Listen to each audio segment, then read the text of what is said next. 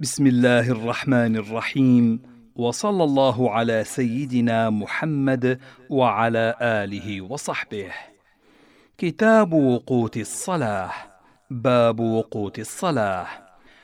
قال حدثني يحيى بن يحيى الليثي عن مالك بن أنس عن ابن شهاب أن عمر بن عبد العزيز أخر الصلاة يوما فدخل عليه عروة بن الزبير فأخبره أن المغيرة بن شعبة أخر الصلاة يوما وهو بالكوفة فدخل عليه أبو مسعود الأنصاري فقال ما هذا يا مغيرة؟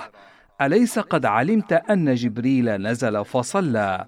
فصلى رسول الله صلى الله عليه وسلم ثم صلى فصلى رسول الله صلى الله عليه وسلم ثم صلى فصلى رسول الله صلى الله عليه وسلم ثم صلى فصلى رسول الله صلى الله عليه وسلم.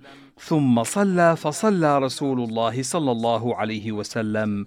ثم قال بهذا أمرت.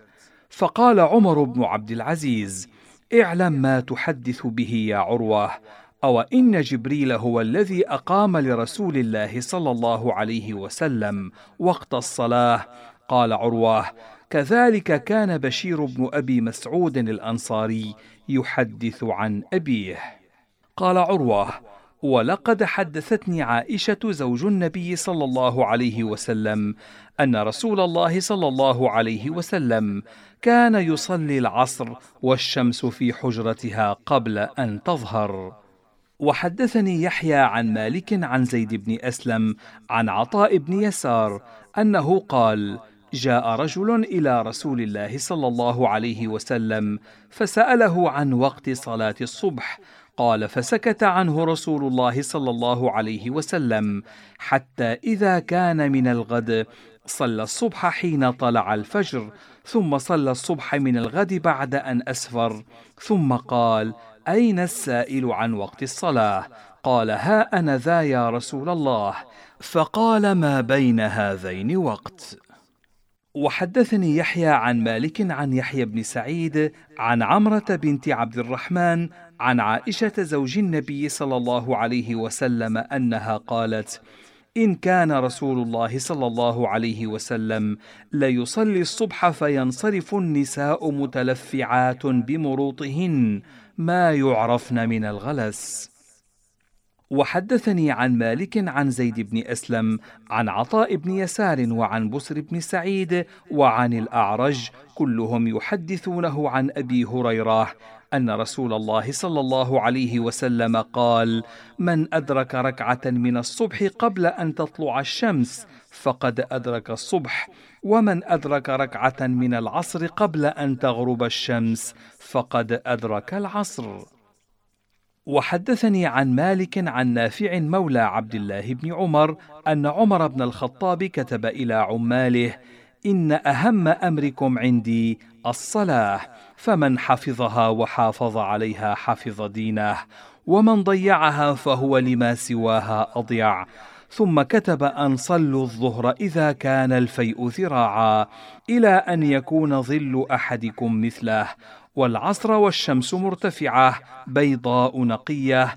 قد رمى يسير الراكب فرسخين أو ثلاثة قبل غروب الشمس. والمغرب إذا غربت الشمس والعشاء إذا غاب الشفق إلى ثلث الليل. فمن نام فلا نامت عينه فمن نام فلا نامت عينه فمن نام فلا نامت عينه. والصبح والنجوم بادية مشتبكة. وحدثني عن مالك عن عمه أبي سهيل عن أبيه أن عمر بن الخطاب كتب إلى أبي موسى أن صل الظهر إذا زاغت الشمس والعصر والشمس بيضاء نقية قبل أن يدخلها صفرة والمغرب إذا غربت الشمس وأخر العشاء ما لم تنم وصل الصبح والنجوم بادية مشتبكة وقرأ فيها بسورتين طويلتين من المفصل.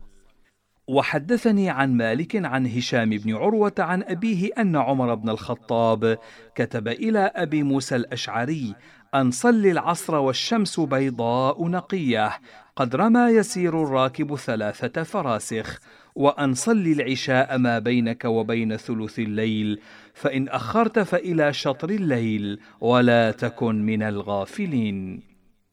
وحدثني عن مالك عن يزيد بن زياد عن عبد الله بن رافع مولى أم سلمة زوج النبي صلى الله عليه وسلم أنه سأل أبا هريرة عن وقت الصلاة فقال أبو هريرة أنا أخبرك صل الظهر إذا كان ظلك مثلك والعصر إذا كان ظلك مثليك والمغرب إذا غربت الشمس والعشاء ما بينك وبين ثلث الليل وصل الصبح بغبش يعني الغلس.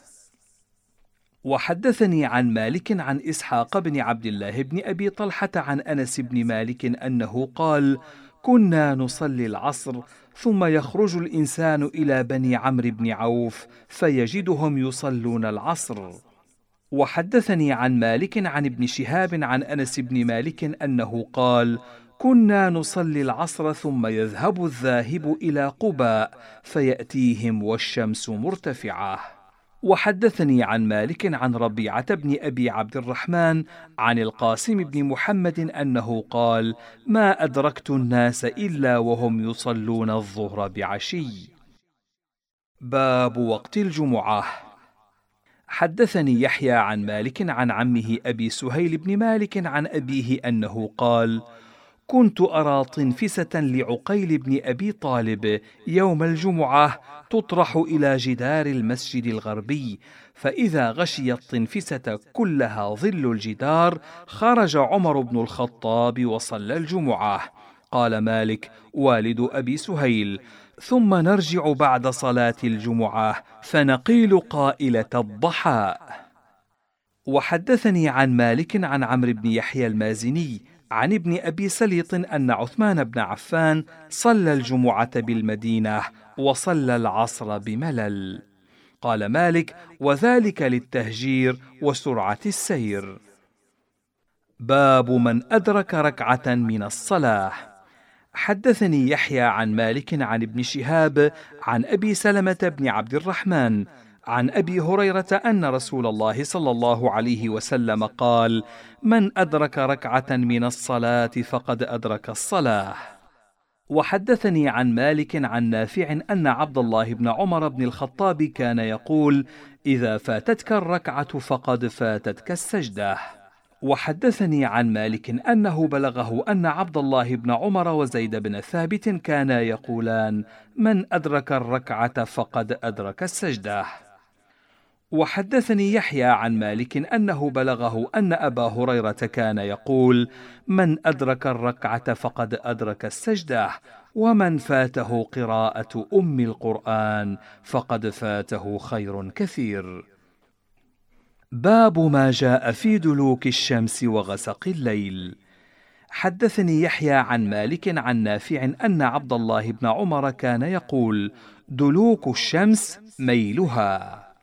وحدثني عن مالك عن داود بن الحسين قال أخبرني مخبر أن عبد الله بن عباس كان يقول دلوك الشمس إذا فاء الفيء وغسق الليل اجتماع الليل وظلمته. باب جامع الوقوت.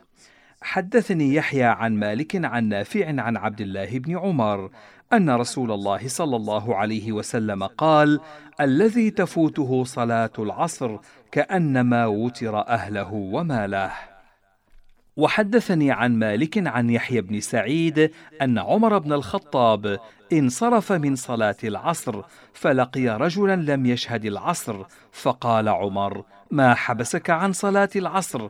فذكر له عذرا فقال عمر طففت.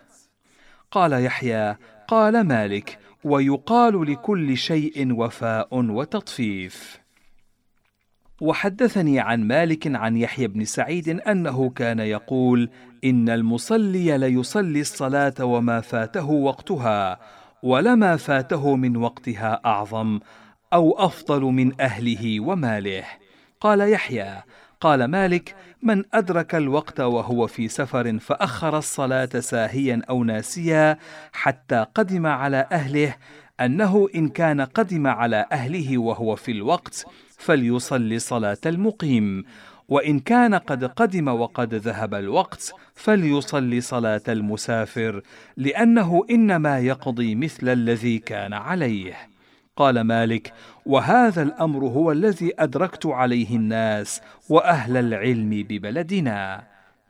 وقال مالك الشفق الحمرة التي في المغرب فإذا ذهبت الحمرة فقد وجبت صلاة العشاء وخرجت من وقت المغرب.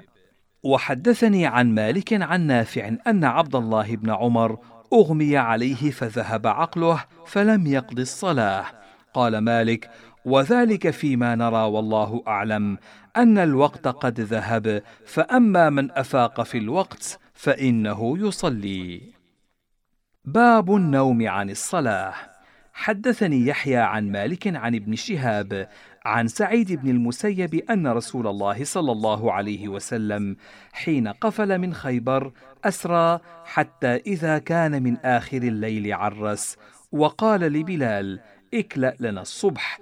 ونام رسول الله صلى الله عليه وسلم وأصحابه وكلأ بلال ما قدر له ثم استند إلى راحلته وهو مقابل الفجر فغلبته عيناه. فلم يستيقظ رسول الله صلى الله عليه وسلم ولا بلال ولا أحد من الركب حتى ضربتهم الشمس. ففزع رسول الله صلى الله عليه وسلم فقال بلال يا رسول الله أخذ بنفس الذي أخذ بنفسك. فقال رسول الله صلى الله عليه وسلم اقتادوا. فبعثوا رواحلهم واقتادوا شيئا. ثم أمر رسول الله صلى الله عليه وسلم بلالا فأقام الصلاة فصلى بهم رسول الله صلى الله عليه وسلم الصبح ثم قال حين قضى الصلاة من نسي الصلاة فليصلها إذا ذكرها فإن الله تبارك وتعالى يقول في كتابه وأقم الصلاة لذكري وحدثني عن مالك عن زيد بن أسلم أنه قال عرس رسول الله صلى الله عليه وسلم ليلة بطريق مكة ووكل بلالا أن يوقظهم للصلاة. فرقد بلال ورقدوا حتى استيقظوا وقد طلعت عليهم الشمس فاستيقظ القوم وقد فزعوا. فأمرهم رسول الله صلى الله عليه وسلم أن يركبوا حتى يخرجوا من ذلك الوادي وقال إن هذا واد به شيطان فركبوا حتى خرجوا من ذلك الوادي ثم أمرهم رسول الله صلى الله عليه وسلم أن ينزلوا وأن يتوضاوا وأمر بلالا أن ينادي بالصلاة أو يقيم. فصلى رسول الله صلى الله عليه وسلم بالناس ثم انصرف إليهم وقد رأى من فزعهم. فقال يا أيها الناس إن الله قبض أرواحنا ولو شاء لردها إلينا في حين غير هذا. فإذا رقد أحدكم عن الصلاة أو نسيها ثم فزع إليها فليصلها كما كان يصليها في وقتها. ثم التفت رسول الله صلى الله عليه وسلم إلى أبي بكر فقال إن الشيطان أتى بلالا وهو قائم يصلي فأضجعه فلم يزل يهدئه كما يهدأ الصبي حتى نام. ثم دعا رسول الله صلى الله عليه وسلم بلالا فأخبر بلال رسول الله صلى الله عليه وسلم مثل الذي أخبر رسول الله صلى الله عليه وسلم أبا بكر فقال أبو بكر أشهد أنك رسول الله. باب النهي عن الصلاة بالهاجرة. حدثني يحيى عن مالك عن زيد بن أسلم عن عطاء بن يسار أن رسول الله صلى الله عليه وسلم قال إن شدة الحر من فيح جهنم فإذا اشتد الحر فأبردوا عن الصلاة.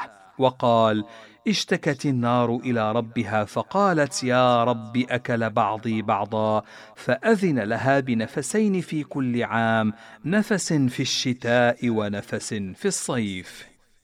وحدثنا مالك عن عبد الله بن يزيد مولى الأسود بن سفيان عن أبي سلمة بن عبد الرحمن وعن محمد بن عبد الرحمن بن ثوبان عن أبي هريرة أن رسول الله صلى الله عليه وسلم قال إذا اشتد الحر فأبردوا عن الصلاه فإن شدة الحر من فيح جهنم. وذكر أن النار اشتكت إلى ربها فأذن لها في كل عام بنفسين نفس في الشتاء ونفس في الصيف. وحدثني عن مالك عن أبي الزناد عن الأعرج عن أبي هريرة أن رسول الله صلى الله عليه وسلم قال إذا اشتد الحر فأبردوا عن الصلاه فإن شدة الحر من فيح جهنم. باب النهي عن دخول المسجد بريح الثوم وتغطية الفم. حدثني يحيى عن مالك عن ابن شهاب عن سعيد بن المسيب أن رسول الله صلى الله عليه وسلم قال من أكل من هذه الشجرة فلا يقرب مساجدنا يؤذينا بريح الثوم. وحدثني عن مالك عن عبد الرحمن بن المجبر أنه كان يرى سالم بن عبد الله إذا رأى الإنسان يغطي فاه وهو يصلي جبذ الثوب عن فيه جبذا شديدا حتى ينزعه عن فيه.